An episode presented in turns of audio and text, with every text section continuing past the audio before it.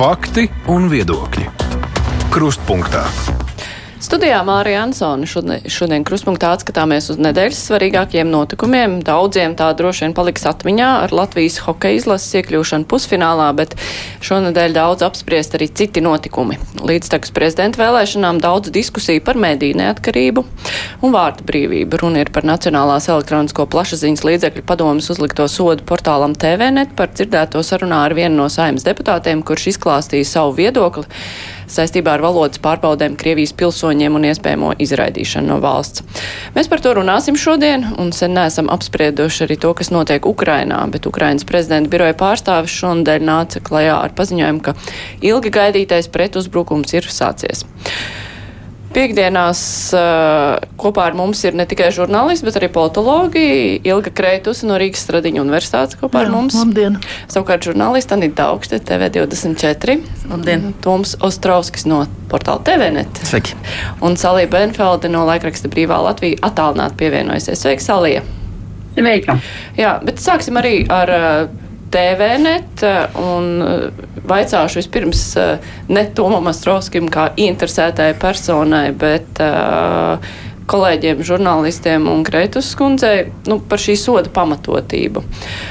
Tur Lai arī NPLP vadītājs teica, ka runa nav par vārda deportāciju lietošanu šajā te materiālā, tomēr izlasot visu pamatojumu, tur tieši par to arī visvairāk bija runa. Un tā doma ir tāda, ka vārdu deportācija nedrīkst lietot kontekstā ar Krievijas pilsoņu izraidīšanu, jo tam ir pieskaņa, ka tās ir nu, deportācijas no 40. gadiem. Anita, nu, Kā tev šķiet, vai tur ir pamats piesieties tam, vai nav pamata piesieties un uh, likt mēdījiem atbildēt par to, ko saimnes deputāts Aleksis Roslikovs saka žurnālistiem?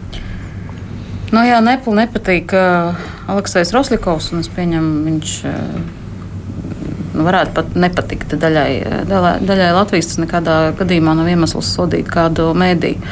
Es domāju, ka šajā gadījumā pat nav tik daudz eh, jautājums par to, kā mēs traktējam vārdu deportācijas. Man liekas, ka pats būtiskākais ir tas, ka um, plašsaziņas līdzekļu padome atļaujas norādīt mēdījam, kādi vārdi būs lietojami un kādi vārdi nebūs lietojami. Visas atrunas par to, ka lūk, tur jau tā nebija un TV net tur kaut kam piekrits. Es lasīju šo dokumentu. Pirmām kārtām, kā, kā jau tu nu, pat kā minēji, ka ka es nesapratu, ka, eh, ka tas tieši par to, par, šo, par šī vārdu lietojumu, man liekas, tas sots ir tieši par to. Otrkārt, es nesaskatīju to, ka TV net būtu kaut kam tur piekritis un kaut kādā veidā atkāpies no kaut kā.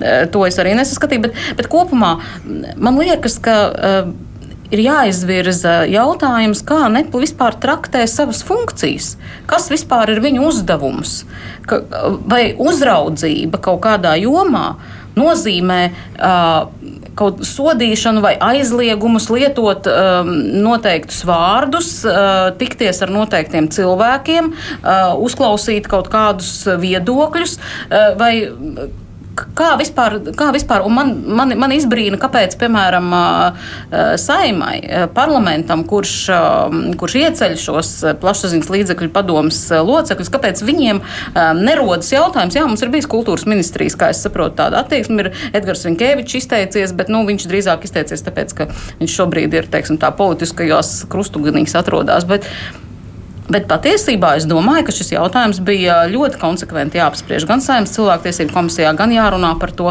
kas ir, šo, kas ir šīs padomas funkcijas un kāda ir šo cilvēku, kas tajā strādā, konkrēta atbildība par tādu lēmumu pieņemšanu, kas būtībā diskreditē šīs institūcijas darbu. Salija. Nu, manuprāt, es varu tikai Antai piekrist. Jo, godīgi sakot, to visu izlasot, es, es, protams, ļoti, es ļoti daudz lasu Baltkrievijas un, un, un Ukraiņu ziņas, nu, tās, kas ir pieejamas un kas ir legāli, protams. Un tad man jāsaka, es uzreiz iedomājos Baltkrieviju, kurā ne tikai par dažu vārdu lietošanu, protams, arī ja likās, ka varas pārstāvjiem, ka, piemēram, nepareizas krāsas aizskar logā vai bērnam izrādās ir kaut kur kaut kas nepareizās krāsās, ja, nu, tad, tad par to var sodīt bērnus un aizsūtīt uz bērnam un vecāks ielikt cietumā. Nu, te apmēram man tas pats izskatās. Tātad mums būs aizliegto jēdzienu, vārdu saraksts, pēc tam mums būs aizliegto personu saraksts, tātad jā, mums būs jātic uz vārda varai, ka tie un tie cilvēki domā tā, bet mēs to nedrīkstēsim no viņiem dzirdēt. Nu, tā ir absolūta cenzūra. Un par saimnes cilvēktiesību komisiju, jā, nu es arī to nesaprotu, to klusumu. Es saprotu, ka saimnes sastāvs ir tāds, kā tas, kāds tas ir. Un, protams, es neesmu pārliecināta par to, ka nu, visas frakcijas domā tieši tāpat, kā mēs pašlaik runājam. Es domāju, ka vismaz divas, trīs frakcijas noteikti nē. Bet tajā pat laikā par to vispār klusēt publiski. Nu, mīļie, nu mēs, mēs patiesībā sakot, mēs laikam gribam izskatīties tieši tāpat kā Krievija un Baltkrievija. Nu, ko es tur varu piebilst? Bet eh, arī runājot par eh, šo terminu deportācijas, eh, tas tur tika prasīts atzinums arī no vairākām institūcijām. Uh, par to, vai drīkst šo jēdzienu lietot šādā kontekstā vai nedrīkst. Nu, vispār kā tas izklausās. Par to arī ir tāda liela vienprātība, man, nu, tā, nē, es pateikšu nē, nē. savu personīgo, man vienmēr ir šķitis, ka vārds izsūtīšanas ir daudz emocionāli mm -hmm. piepildītāks un parāda to visu traģismu un netaisnību daudz vairāk nekā šis vēsais un oficiālais deportācijas. Un tā pieskaņa liekas, nu, ka tā ir tāda vēlāk radusies, bet uh, Jā, es uzreiz gribētu teikt, mums ir jāskatās. Mēs skatāmies no sava, piedodiet, diezgan provinciālā uzskata, kāds mums ir, un mēs nesaistam to ar vispārējo izpratni par jēdzienu.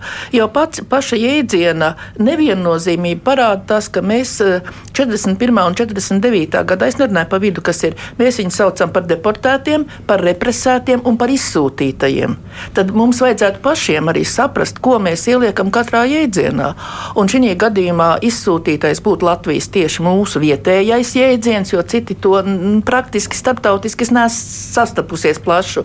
Represētais, manuprāt, ietver sevī visvairāk, jo represija nozīmē ne tikai tā kā deportācija piespiedu pārvietošanu no vienas teritorijas uz otru, bet represētam uzreiz iekšā mēs dzirdam, ja tad cilvēkam tiks ierobežotas tiesības tajā jaunajā vietā, kur viņš nonāks, un pret viņu var vērsties arī ar dzīvības apdraudējumu. Tas, kas notika 41. Un 49. gadā. Jo deportācija, nu tad kā mēs sauksim, nu pieņemsim bēgļus, ja, tos, kas ne, ne, nelegālie mm, iebraucēji valstī, nu ļoti bieži saka, ka Amerika deportē meksikāņus atpakaļ uz savu teritoriju, bet Meksikā viņus neviens nerepresē. Tāpēc pašiem arī vēsturniekiem un arī terminoloģijas komisijai varbūt vajadzētu jau tādu mm, nu, izlīdzinātu šo slēdzienu, lai nerastos tā, ka viens, piedodiet man, man aizdomas, ka uh, tomēr Nepal ir daļēji politisks veidojums, jo balso partijas, un partijas ieliek, piedodiet, savus cilvēkus. Man šķiet, ka tur žurnālistu profesionālajam vērtējumam nav gala vārda, kas tur nonāk, ja, ka šādi cilvēki sāk spriest par terminu izmantošanu. Un vēl viena lieta, kas parādās pašlaik, tā ir mūsu politisko partiju, kā lai saka, hameleoniskā daba. Jo tad, kad mums nav izdevīgi, mēs pašlaik nu tā ap, ap, apmuļājam riņķī, neko nesakām. Kad ir izdevīgi, tad mums ir izmeklēšanas komisijas, mums ir priekšsēdētāji, mums ir prokuratūra, mums ir viss, kas vien nepieciešams. Šī gadījumā es gribētu mest lielu pārmetumu tādā virzienā, vispirms tām politiskajām partijām, kuras ievēlēja šo nepilnu komisiju. Līdz ar to viņas ir atbildīgas par šīs komisijas darbību un līdz ar to arī atbildīgas par to lēmumu, kas ir pieņemts. Nu, bet lēmums ir ne tikai mūsu vietējā problēma, es gribētu pasvītrot, bet lēmums attiecās arī starptautiskā līmenī. Loģiski es saprotu, ka to, ko pieminēja Sālī, ka Krievijas puse un Baltkrievija tagad līksmo un berzē rokas, ar ko jūs esat labāk, jūs esat tieši tādi paši. Un otra puse atkal cilvēki, kas ir Eiropas Savienības um, valstis un es, arī starptautiskās žurnālistu organizācijas, šobrīd ir, es gribētu teikt, zināmā apmūsumā un nesapratnē, kas notiek demokrātiskā valstī ar vārdu brīvību. Un tāpēc pateikt, ka, represijas ir jēdziens, kas attiecināms uz to, kas Latvijā notika 41. un 49. gadā, ir uh, gan politiski, gan arī jēdzieniski nekorekts. Kā es vēlreiz saku, represētais, izsūtītais, deportētais. Nu, es uzskatu, ka visi Latvijas iedzīvotāji tika represēti un viņu dzīvības tika pakļautas briesmām, un ļoti daudz dzīvības arī tika atņemtas. Un tāpēc deportēšana uzskatīt šķiet, ka tas ir tāds vispār apzīmējums šais termins. Tas ir, um, es gribētu teikt, daļēji provinciālisms, lai realizētu savas politiskās intereses.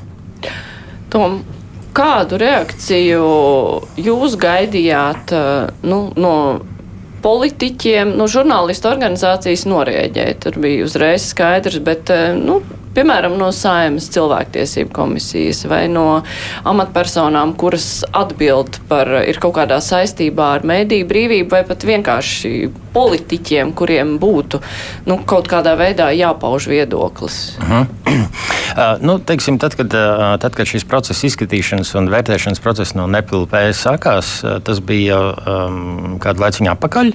Uh, tas slēdziens bija tikai 22. maijā pēcpusdienā, kad mēs to saņēmām. Mm, līdz pēc šī slēdziena un, un arī pēc, arī pēc tās manas publikācijas, ko es uzskatīju par savu pienākumu, vienkārši informēt visus, kādas sekas tam var būt. Teikšu godīgi, es nesagaidīju tik lielu ažiotāžu un atbalstu no, no nozares kolēģiem, dažādiem, gan tieši saistītiem no medijiem, gan arī nesaistīti. Un, savukārt, tas, ko es sagaidīju, bija diezgan liels klusums no teiksim, institucionāli. Atsevišķi izņēmums, Jā, Kevičs kungs un, un, un vēl daži, jā, okay, bet no dažāda politiskā spektra.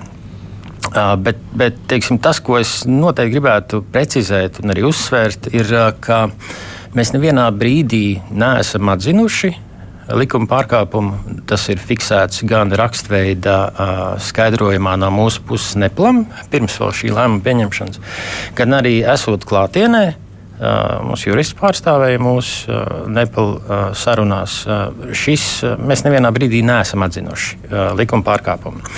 Un tas ir arī lieliski fiksēts. Tas, par ko es uzskatu, mēs noteikti varam uzņemties, un arī vajag uzņemties atbildību, ir tīri tāds profesionāls etikas jautājums. Proti, nu, konkrēti runājot, teiksim, at, uh, dzirdot Roslikovu kungu, kurš pirmais minēja šo vārdu deportāciju uh, imigrācijas uh, likuma labojuma kontekstā, uh, būtu bijis jauki un pareizi uh, uzprasīt, pagaidām, Roslikovu kungs, nu, paskaidrojiet, ko tieši jūs domājat ar šo vārdu tieši imigrācijas likuma kontekstā.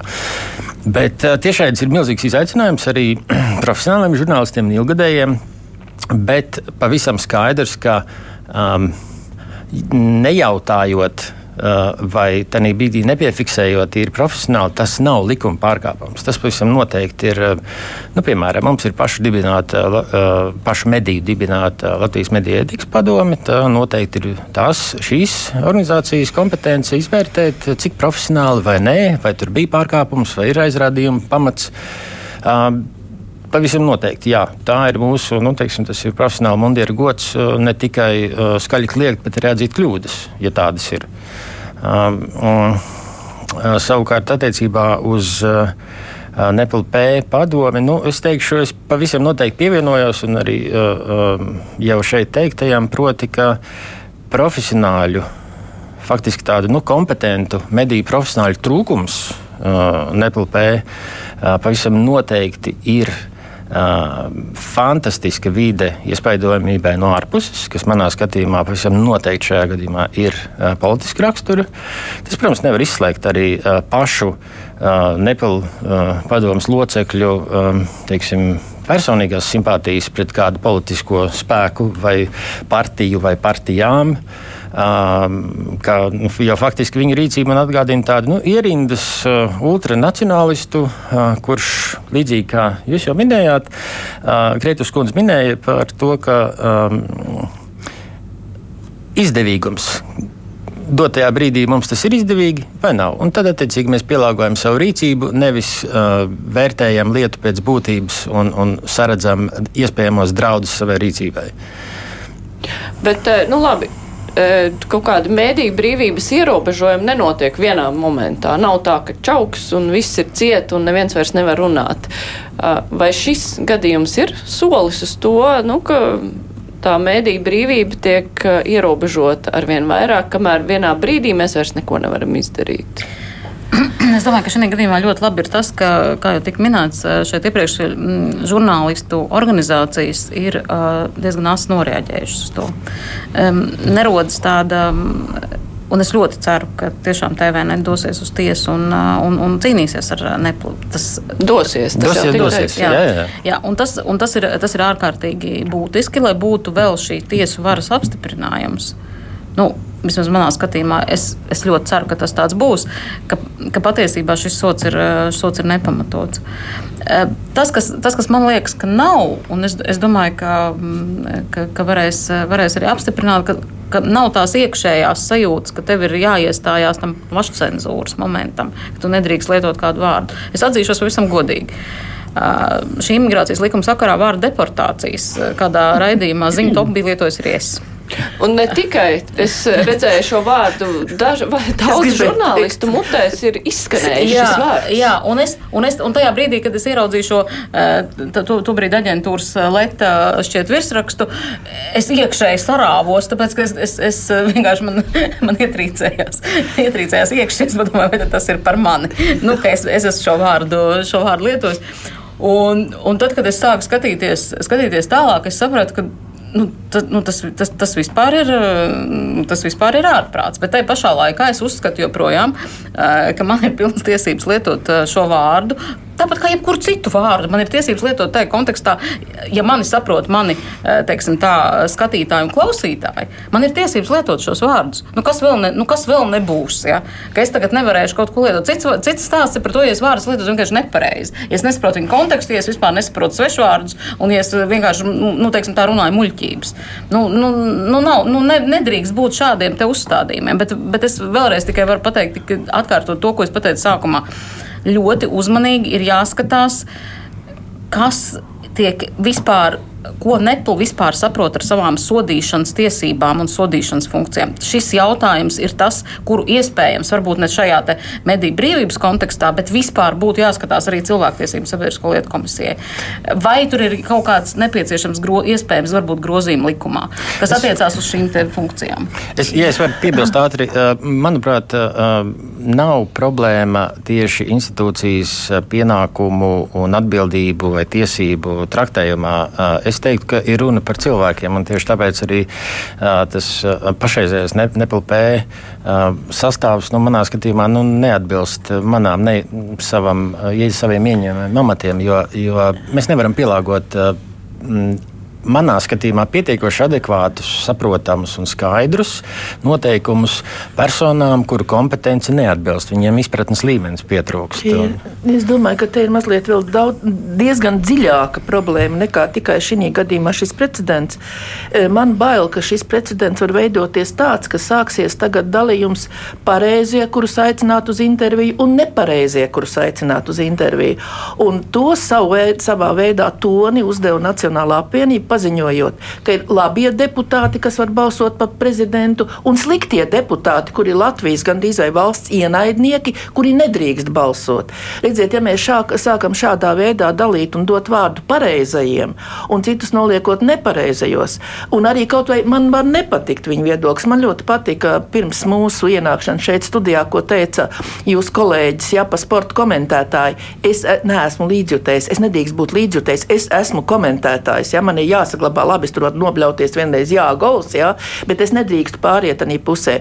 Un šeit tas ir tas traģiskākais, kas var būt, kad nepareiziem neļaujot runāt mēs viņus iedzinām vēl dziļāk pagrīdē, jo nezināt, ko viņš domā, ko viņš saka, tā ir, tas ir pretī katastrofai ceļš. Varbūt es paskaļu izsakos. Es domāju, ka noteikti nē. Nē, jo tā tas ir. Mums ir jādzird, ko saka. Otra lieta, jā, loģiski profesionālais jautājums no žurnālista puses, kas prasa arvien spēcīgāku sagatavotību, un, un tas ir jautājums jau vispār, kas ienāk, kāda jaunā paudze ienāk iekšā žurnālistikā, jo jūs jau visi trīs piedodiet, esat, nu, neteiksim, kā vecie ļauži žurnālistikā. Es domāju, žurnālistikā. Dinozauri. Bet, nu, dinozauri vēl nē, bet nu, pterodaktila tā varētu būt. Jā. Bet tātad, cik profesionāli tu esi gatavs ar to, bet novest pie tā, ka tu nedrīkst aicināt, tas nedrīkst izteikties, viņš nedrīkst paust savu viedokli. A, kā tā es uzzināšu, ko viņš domā, kā cilvēki varēs to izvērtēt, kā spriest par to. Ja? Tāpēc šāda dalīšana jau politiskā līmenī valstiski pareizie un nepareizie saimā esošie, jo viņus taču ir Latvijas Republikas pilsoņi ievēlējuši. Viņi tur mm. nav atsūtīti no kaut kurienes vai paši atnākuši teikuši, mēs tagad pasēdēsim šeit kādu laiku. Ja?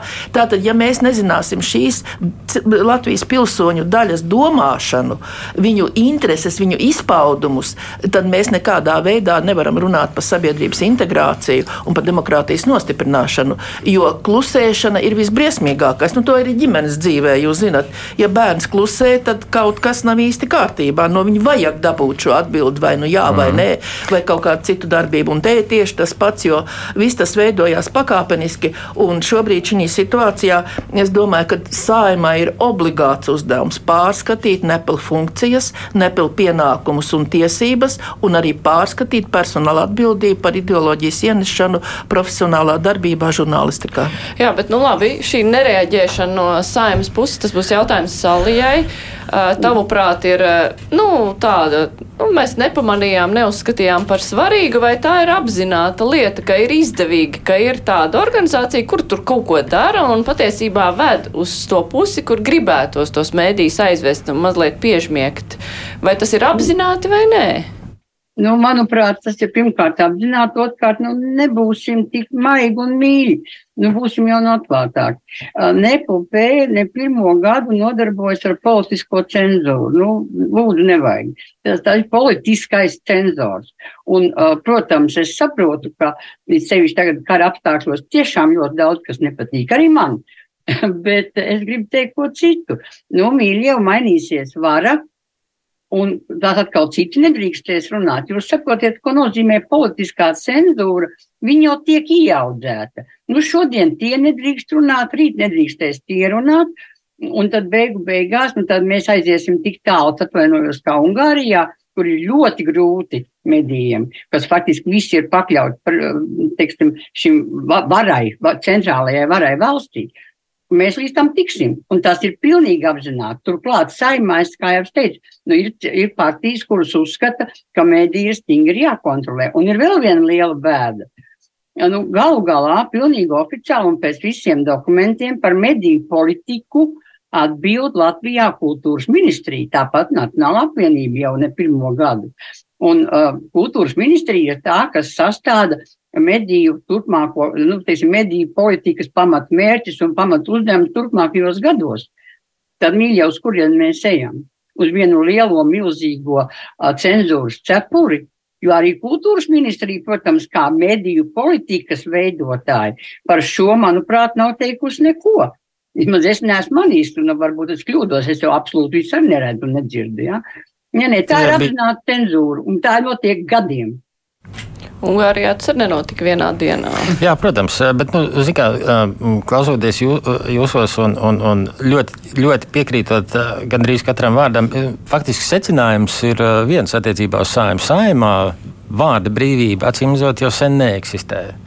Un šis viss process un vēlme kontrolēt, ierobežot, lēnām vienkārši izvēršas arī uz āru. Un Nepils, protams, nav, nu, šis gadījums nav nec pirmais, es pieļauju, nec pēdējais šajā sasaukumā, padomu sasaukumā. Ir bijuši arī precedenti, bet šis ir tāds manā skatījumā nu, viens no tādiem. Mm, nu, gandrīz nebijušiem precedentiem, manuprāt, ar burtisku, tiešu cenzūru ietekmēt ne tikai teiksim, konkrētas publikācijas kontekstā, TVNet grupas medijas, bet jebkuru mediju Latvijā. Un tas vienkārši nav pieļaujami un pieņemami. Un tāpēc arī nu, es nedomāju, ka saima lems par sastāvu nepil, bet tas, ka, tas nenozīmē, ka mums ir jāstāv klusu un ja mēs nonāksim tieši turpat, kur mums šī gadījumā, nu, mēs, kas šeit runājam, nav jau vienmēr vajadzīgs tas, ka tieši mēs tagad izsauksim to, ka ir, bet iekustināt to procesu, to procesu iekustināt un sākt domāt gal galā, ko jūs esat izdarījuši. Nu, un šeit jau būtu iespēja tagad ar savām iniciatīvām nākt jaunajiem prezidenta kandidātiem, ne tikai Twitterā kaut ko ierakstīt un uzskatīt, ja es esmu izteicies Twitterā kā ministrs, tad es esmu paziņojis valsts mēroga jaunu atklājumu. Nu, nevajag tā cilvēku nelast Twitter kā ministrijas oficiālo paziņojumu saitu. Ja? Bet šeit ir šī iespēja uzdot jautājumu, vai jūs varat vai jūs nevarat. Un ja jūs esat tik inerti un neieinteresēti, eh, saimā gan ir viena vieta, kur runā viss tā ir pīpēta. Ticiet man, mm. tur runā viss, ko mēs nezinām un nedzirdam. Jā. Tur gan teica, ka to esat likvidējuši. Nu, tagad aiz stūra. Ah, nu, labi, okay. nu, būs tagad kafejnīcā kādā, domājat, ka vietu neatradīs, kur runāt. Bet tā nenonāk pie cilvēkiem. Un šeit ir tas gadījums, kad nevajadzētu palikt vienaldzīgiem un tieši uzdot šīm partijām jautājumu, un varbūt arī pat, pat žurnālisti, pat ieinteresētā puse varētu paprasīt konkrēto atbildi no frakcijām par šo izvērtējumu. Jo neviens jau jums netraucē uzrakstīt un lūgt izteikties, sākot ar premjeru jauno vienotību, kas ir visu laiku bijusi pie varas un kurai bijusi klāt, ka šāda situācija neplā ir izveidojusies. Ja? Paprasīt tām partijām, kuras ievēlēja, izveidoja šo neplu, tieši no viņām jūsu atbildību. Nevis no jaunajiem, kas tur ir pienākuši klāt, bet no tiem, kas ir bijuši šajā procesā iekšā. Nu, sakiet savu, kā saka, viedo vārdu un novērtējumu. Jā, noslēdzot šo, ir zināms, cik ātri tiesa varētu to vērtēt. Um, ļoti grūti spriest. Uh, mēs ar Nacionālo operu iepriekš kultūras ministrijas personā tiesājāmies septiņus ar pus gadus. Uh, uzvarējām beigās, bet nu, tas, protams, prasīja ļoti daudz uh, cirmu bārdu, teiksim tā.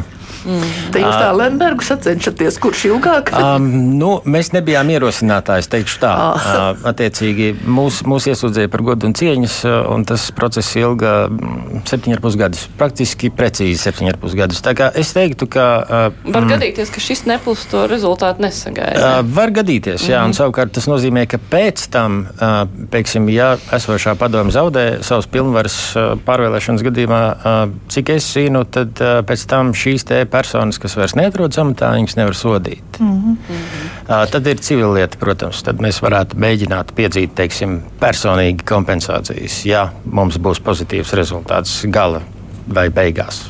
Jā, bet, nu, interesanti var izvērsties. Labi, šo tēmu noslēdzam. Man ir jāatgādina klausītājiem, vēlāk Latvijas televīzijas skatītājiem, ka šodien kopā ar mums ir Anita Daugsta no TV24, Toms Astrovskis no TVNet, Salī Benfelde no laikraksta Brīvā Latvija un politoloģi Ilga Kreitus no Rīgas Tradiņu universitātes, un mēs tūlīt turpināsim. Raidījums Krustpunktā. Gribas mazliet par Ukrainu. Mēs neesam pēdējās nedēļās runājuši, bet arī nu, visi gaidīja pretuzbrukumu lielo. Šonadēļ Podoļoks apstiprināja, ka tas jau ir sācies. No vienas puses likās, ka nu, tas sākums būs tāds, nu, ka palaist garām nevar, bet nu, tas bija kā neuzkrītošāk. Salī, tu ļoti seko Ukrainai, es zinu. Tu gaidīji, ka būs kaut kas tāds vērienīgāks, vai tu jau jūti, ka tas ir tas, ko mēs visi esam gaidījuši tik ilgi? Nu, godīgi sakot, tāds kaut ko ļoti vērienīgi, tā kā mēs esam pieraduši redzēt filmās, piemēram, par otro pasaules karu, kā rāda. Uh, nē. Uh, pie tam man uzreiz jāsaka, arī Podoļāks atgādināja, ka um, fronte ir pusotru tūkstošu kilometru gara, 1500 km. Nu, uztaisīt vērienīgu uzbrukumu 1500 km garumā, nu, es nezinu, es neņemos spriest, neesmu militārais eksperts, kura valsts to varētu atļauties, ja var. Bet uh, patiesībā jau par to tie minējumi tika izteikti iepriekš jo Ukraiņi pirmām kārtām jau mēģināja sagraut viņu aizmugures bāzes, kas ir degviela, munīcija un tā tālāk, un viņiem tas tīri labi veicās. Otrām kārtām jāsaka, ka ir vēl viena lieta, kas, protams, jā, Krievijas pusē ļoti tērē gan enerģiju, gan arī ieročus un proti lielāko daļu dronu un raķešu viņi pārtver un iznīcina tas ir tā pretgaisa aizsardzība ir ļoti augstā līmenī.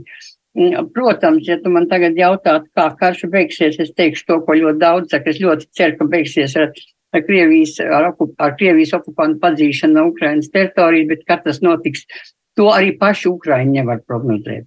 To neprognozē arī paši Ukraiņi. Turklāt ir vēl viena lieta, kas tomēr ir jāatcerās.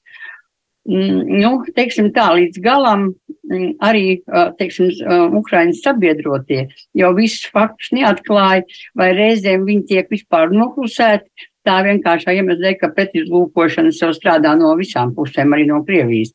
Tādēļ izlasot, piemēram, ziņu, ka Bahmut ir ieņemta, urā, Krievi saka, urā, Bahmut ir ieņemta, nu, tam nevajadzētu uzreiz noticēt. Tāpat kā, protams, ja Ukraiņu pusē, un mēs ceram, ka tas un tas ir izdarīts, nu, paskatīsimies. Bet, jebkurā gadījumā, es domāju, jā, ka, jo tas nav klasiskais pretuzbrukums. Ukraiņa rīkojas pēc citiem standartiem, un tāpēc Krievijas puse ļoti bieži Krievija jūtas apjukus un nesaprot, ko darīt. Tā Belgorodā tas arī ir jāuzskata par pretuzbrukuma daļu.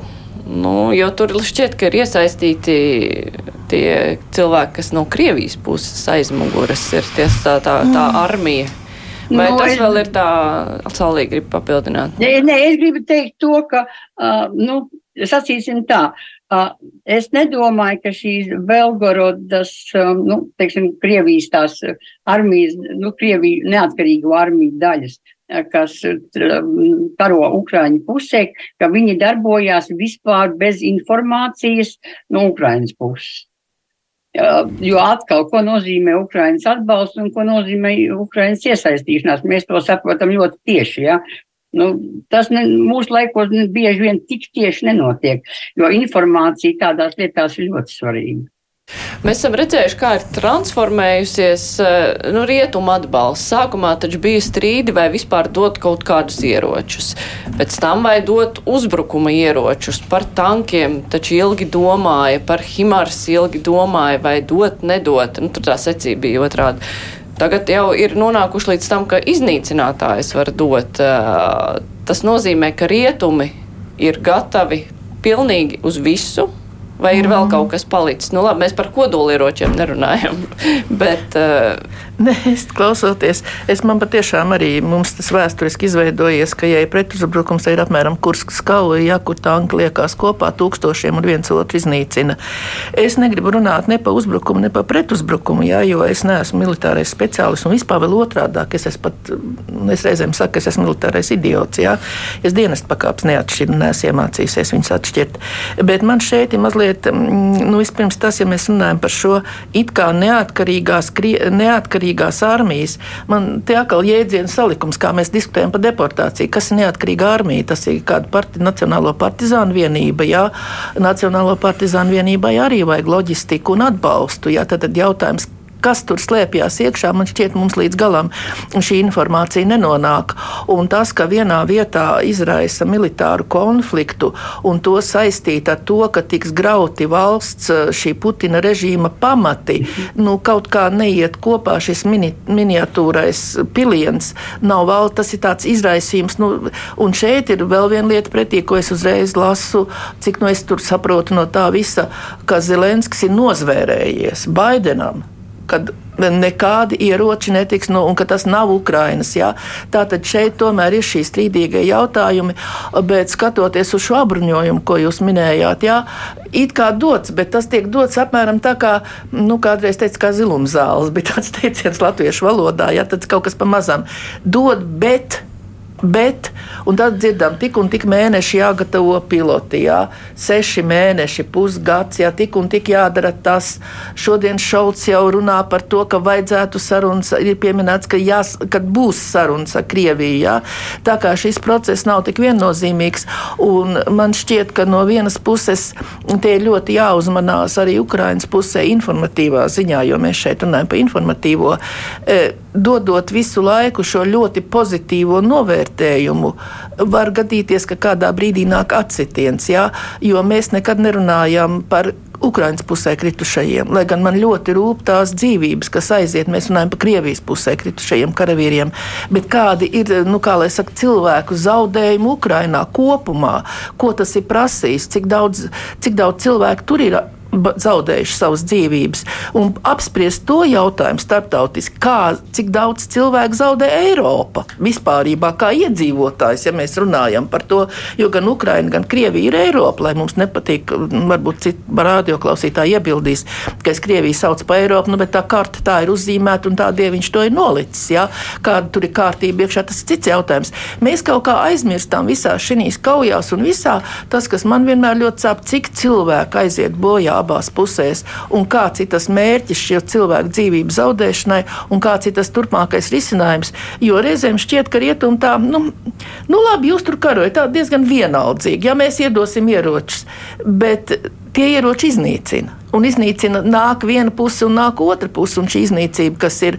Un vēl viena lieta, es tikko pabiju, pabiju Spānijā. Es godīgi pateikšu, ka es neredzēju nevienu ukrāņu karogu. Un tāpēc arī, kad mēs runājam par savu pacēlu, tas ļoti labi, ka Latvijā tā tas notiek, mēs atbalstam, esam, vai mēs kritiski izvērtējam eh, to, to izpratni un, un Eiropas tālāko šo citu valstu attieksmi pret to, kas tur īsti notiek, un arī šo cilvēku tautas iesaisti. Jā, jo mani pārsteidz, es patiešām tur, kur es biju Spānijā, es neredzēju neko saistībā ar Ukrajinu. Viņiem tas ir ļoti tālu. Viņus interesē nav ūdens, eh, strūkla, kas nedarbojās, jo nav ūdens.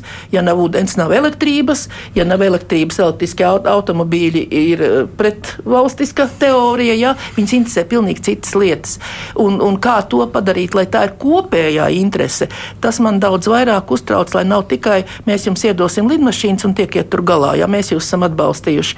Bet nav, mana, manuprāt, nav šīs vienotās konsolidētās izpratnes par īsti procesiem, kas notiek Ukrajinā.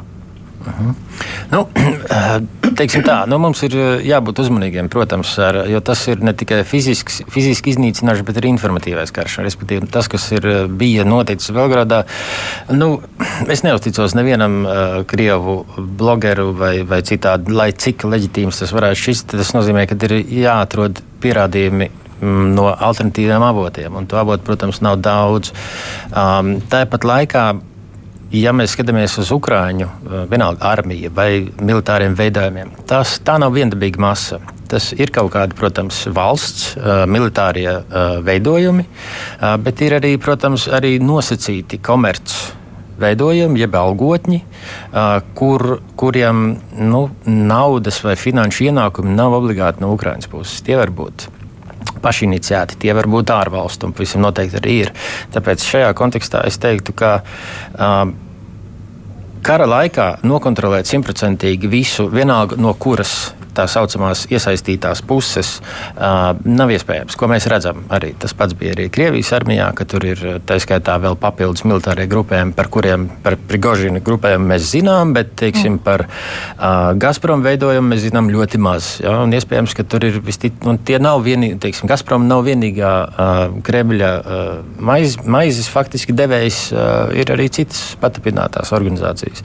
Tagad tie grupējumi un intereses vai interešu konflikti, kas tiek sākotnēji risināti, kā jau karā tas notiek viens otru nogalinot, nevis sēžot pie galda. Um, visticamāk, viņi ir ļoti daudz. Iespējams, ka lielākā daļa mēs nemaz nezinām, bet zināsim vēlāk. Savukārt par to publisko telpu, ka tiek tas, ko tu minēji sākumā, kad ir tāds nu, gradāls pieejams, teiksim, pa posmiem. No sākuma mēs dodam to, tad skatāmies, kā iet. Es teiktu, ka arī līdzīgi kā ar to Zelenska eh, it kā nozvērēšanos, ka viņš eh, nekādā gadījumā neko nedarīs, kas varētu apdraudēt viņa ieroču piegādes. Šajā kontekstā tā ir vienīgā viņa motivācija. Savukārt tas, kas notiek aiz slēgtām durvīm, es pavisam noteikti esmu drošs, protams, nevar pierādīt, bet esmu drošs, ka sarunas pavisam citādas. Jo kā līdz šim mēs redzējām, tie paši tanki, arī pirms tam dažādi rakstura ieroči un tālās darbības raķetes, informācija publiskajā telpā no amatpersonām parādās parādās pēc fakta. Un ne jau dienas, ir runa par acīm redzot stipri ilgāku periodu. Bet, uh, Šis karš faktiski tiek uh, kontrolēts uh, ar tādu nu, publiskajā telpā ar uh, oficiāliem vēstījumiem. Praksē, jeb uz vietas, uh, kara, kara laukā, uh, jeb tūkstots, cik bija kilometru robeža, ja, kas ir nenormāls, nenormāli gara, tas notiek pavisam savādāk. Un tas pats ir ar F-16 iznīcinātājiem. Es esmu drošs, ka uh, ir bijuši kaut kādi mazāka ranga uh, izteikumi, mazāka ranga militāru personu izteikumi par to, ka jā, mēs kaut ko darījām jau ar pilotiem kaut kad, bet tur nav nekas konkrēts. Nu, Respektīvi, tāda kā atsauci, leģitīma atsauci īsti nevar izmantot.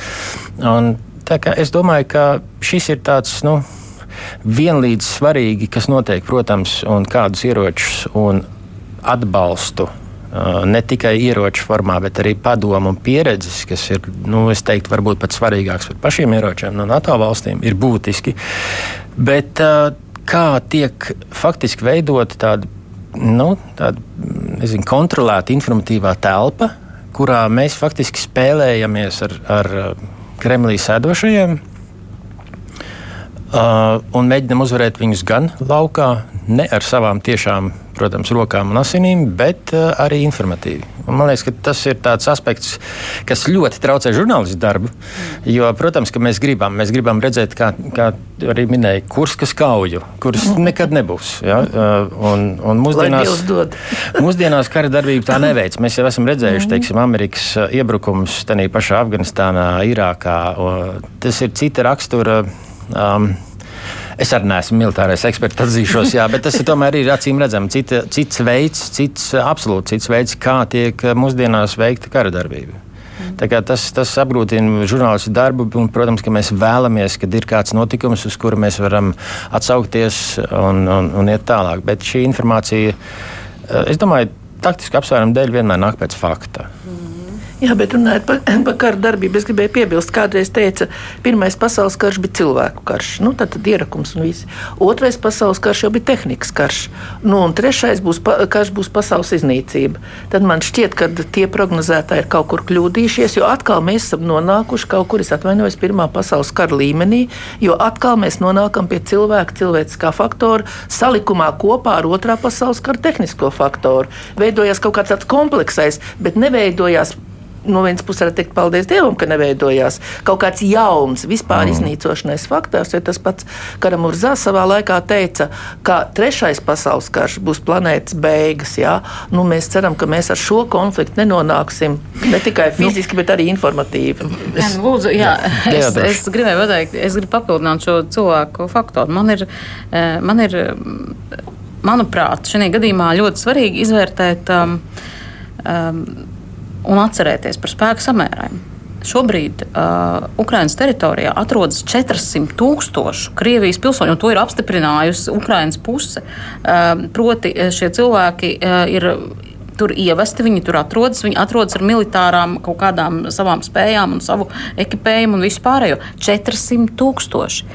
Patiesībā man ir pat grūti aptvert, kā šāds te, uh, skaitlis, kā viņš būtu, kā šī cilvēku masa būtu izdzenama kaut kāda um, viena pretuzbrukuma, vai, vai, vai, pat, vai pat grūti aptvert šo pretuzbrukumu apjomu, ar kādu viņi varētu padzīt no, uh, no, no Ukrainas. Tāpēc es esmu ilgstoši uzklausījusi jau kopš kara sākuma, pat ne kara sākuma, kaut kādā kara vidusposmā parādījās tēze, ka viss šis konflikts ir atrisināms tikai un vienīgi militārajā jomā, respektīvi tikai ar konkrētiem militāriem spēkiem. Man sāk rasties iespējas, ka šī gadījumā ir jābūt kaut kādam plašākam procesam, kas ļaus šo karu, um, karu um, izbeigt. Pretējā gadījumā nav citu variantu, kā sākt karu Krievijas teritorijā. Jo tas, viņus, tas visu šo 400 tūkstošu pavērsīs otrā virzienā. Pretējā gadījumā nav citu iespēju. Nu, es atvainojos, ka es runāju šādās, šādās tēzēs, bet šis stāsts par to, ka nekad neko Krievijas teritorijā, nu, tādā gadījumā es nesaprotu, kā viņus visus aizdabūs prom no Ukrainas. Nu, jā, bet, nu, kā mēs redzam, viss mainās. Un, jā, nu, jā, uzstādījumi mainās. Nu, maz, maz piebildi par to uh, pirmo, salīdzinājumu ar Pirmo, Otro pasaules karu un kas būtu trešais. Nu, mēs, mēs jau. Nu, tas agresors ir tieši tas pats agresors, kuru, no kura mēs cietām vairāk kā 70 gadus atpakaļ. Respektīvi, Krievija jau nav modernizējusies ne tikai valsts iekārtas kontekstā, nedz arī militārajā, kā mēs redzam, vismaz tik daudz, cik mēs varam ticēt informācijai par Krievijas kara vai militārajām spējām, arī tehniskajām. Tādēļ, nu, tādēļ arī faktiski šis te, nezinu, divi ar pusi vai kā to nosaukt, attiecībā uz karu. Tas ir ļoti nejauki, bet uh, ir tas, tas ar otro un trešo pasaules karu Krievija ir iestrēgusi. Viņi nav gājuši priekšā. Nu, ir vēl trakāk, es tagad, kad nu, ar tīri interesi pēc paskatījos, kas tad, ko tad tas kinžāli īsti nozīmē un kāpēc Putins tik ļoti priecājās par to un paziņoja, ka tūlīt viss ar jums viss ir atrisināts, mēs palaižam kinžāli. Izrādās, ka arī šī kara situācijā, e, kad cilvēkiem, es nezinu, vai tas ir demokrātijas ietekmē uz Krieviju vai kāda cita ietekmē, kad arī pat kara tehnikas izstrādātāji atļaujās melot un mānīt valsti, jo tas aprēķinātais ātrums tur bija pieskaitīja lidmašīnu raķetei un izrēķināja vidējo, gan drīz vai kā vidējo temperatūru, un tad nav tā rezultāta, kas ir. E, tas arī parāda šo, ka e, ne, varbūt ne tik daudz palikusi, kā Krievu Krievi, kas bija ļoti labi pasaulē zinām ar augstu tehnoloģiju izstrādi tieši militārā jomā, un mēs to redzējām Latvijas teritorijā. Viss mūsu VEFs un viss cits strādāja pamatā Krievu militārai rūpniecībai, nu PSRS rūpniecībai toreiz, ka arī šī jomā ir iestājies kaut kāds izirums, jāsaka, tā tikko kā pazūd stingrā diktatora roka militārā jomā, kaut kas paliek vieglāks, tā atļaujās šādu gājienu, nu, par ko Staļins jau sen viņus būtu nošāvis šos inženierus, kas kaut ko tādu atļāvās. Nu, tagad mēs smējāmies, ka viņi ilgi zāģēs eh, taigā ciedra priedes, ciedreglis un lasīs čiekurs. Ja? Bet tad šis faktors, ka ne tikai iestagnējies ir, bet ka sāk jau blefot iekšienē tur un atļauties lietas, ko, kas Krievijā šķita militārajā sfērā diez vai iespējams tādā līmenī. Es nerunāju par praporšķiku zakšanu, eh, autus žogu vai zābaku zogu, tas ir kaut kas cits, ja? bet šādā līmenī, eh, un kas rada arī šādas sekas un praktiski principā pazemojumu Krievijai. Tādu, var teikt, spļāvienu ģīmiju, nu ko dabūjāt. Nu Paši nu, jā. mēģinājāt kaut ko, nu dabūjāt pretī tagad. Nu jā, bet, bet nu, paši ar savām rociņām izdarījāt to. Tā, bet mums ir palikušas maz laika, un mazākais laiks būs atvēlēts tematam, par ko mēs runājam pēdējos nedēļās ļoti daudz, tāpēc arī tagad tā mazāk, tas ir prezidenta vēlēšanas. Uh, ir kaut kāda skaidrība lielāka, mazliet būs trešdien tas prezidents vai nebūs prezidents Anita? Totalizatori bez lietām. Jā. Jā. Es sliecos, sliecos pie tās tēzes, ka būs. Kurš būs? Nav svarīgi. Nu, labi, svarīgi ne, ir, ka būs atvaļinājums nē, pēc nu, tam sēmē. Ne, ne, nespiediet mani, bet es domāju tā, iziesim, es, es, es varu var pamatot, kāpēc man tā šķiet, tāpēc, ka um, iziesim no tādām politiskā spēka pozīcijām. Politiski uh, ietekmīgākais spēks šobrīd un lielākais spēks sēmē ir jaunā vienotība. Un es uzskatu, ka jaunā vienotība nodiktēs to scenāriju šim procesam, kādu, kādu viņi to uzskata par nepieciešamu. Es neredzu citos politiskajos spēkos spēju pārspēt jaunās vienotības izvēlēto variantu. Ja jaunā vienotība ir nolēmusi, ka valsts prezidents būs Edgars Rinkevičs, tad būs Edgars Rinkevičs. Ja jaunā vienotība ir nolēmusi, ka prezidenta nebūs un būs trešā kārta un tiks izvirzīts kāds, kāds cits kandidāts, tad būs cits komentārs. Jā, bet tu, tu vienkārši tas... kolosāli nodefinē tādu nekļūdīgi, jo pēc nedēļas mēs teiksim, bija tieši tā kā Anita teica, vai ievēlē vai neievēlē. Salī, kā tu domā? Nu, es teikšu tā, uh, Anitai varētu piekrist tik tālu, uh, cik tālu būsim jau noklāt. Uh, jaunai vienotībai ir izdevies vienoties ar Daļo zemnieku savienību pirmkārt. Otkārt, vai viņiem izdosies Un tas nebūs vienkārši, es to diezgan šaubos par to, vai viņiem pēc tam izdosies ieskaidrot saviem vēlētājiem, kāpēc viņi un kā viņi varēja vienoties ar Zaļo zemnieku savienību. Jo elementāri paskaidrot balss, nu tādas tiešām simts apjomā, vai ne? Es neredzu, kā bez Zaļo un zemnieku savienības Rinkēvičs varētu ievēlēt. Mm, tā kā ļoti, tāpēc es, es lieku 50 uz 50, ne, labi, ko mēs teicu, kā darībās, vai ne? Es lieku 50 uz 50, ka būs Rinkēvičs vai nebūs neviens. Bet uh, galvot es to nevaru, nedomāju, ka kāds var galvot par to. Ir nu, skaidrs, ka galvot nevar, bet nu, tā, vai tas ir pabīdījies uz vienu vai otru pusi? Nē, es sāku ar to, ko kādreiz mums skolā skaitīja. Runas ir garas, darbs ir īss, no darba vara liktenis trīs. Ja? Tieši pašlaik ir šāds process. Pirmais, ko es gribu teikt, mēs te varam runāt, ko mēs gribam no mūsu runām un no arī, žun, piedodiet, žurnālisti, jūsu intervijām. E, saimai, piedodiet, ir ne silts, ne augsts. Kā partijas vienosies, tā būs. Tas ir kā mērnieku laikos, ja? kur iedomājās pietuku Krustiņš iedomājās, ka viņam arī ir vara. Nu, viņam varu parādīja.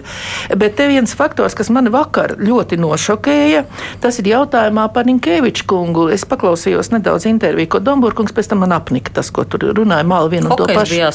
Nu jā, nu taču, nu, jā, bet ko Ninkēviču kungam uz jautājumu, vai jūs nejūtat līdzatbildību par to, kas ir noticis Latvijā šos pēdējos 12 gadus, kad pie varas ir jaunā vienotība, nu vai jaunā vienotība vai vienotība vienkārši. Viņš atbildēja nē. Jo es kā ārlietu ministrs strādāju ļoti labi, un par citām lietām atbild citi ministri tā nevar skatīties, mīļie cilvēki. Tad iznāk tā, ja man kreisā kāja ir lausta, tad labā roka necieš no tā.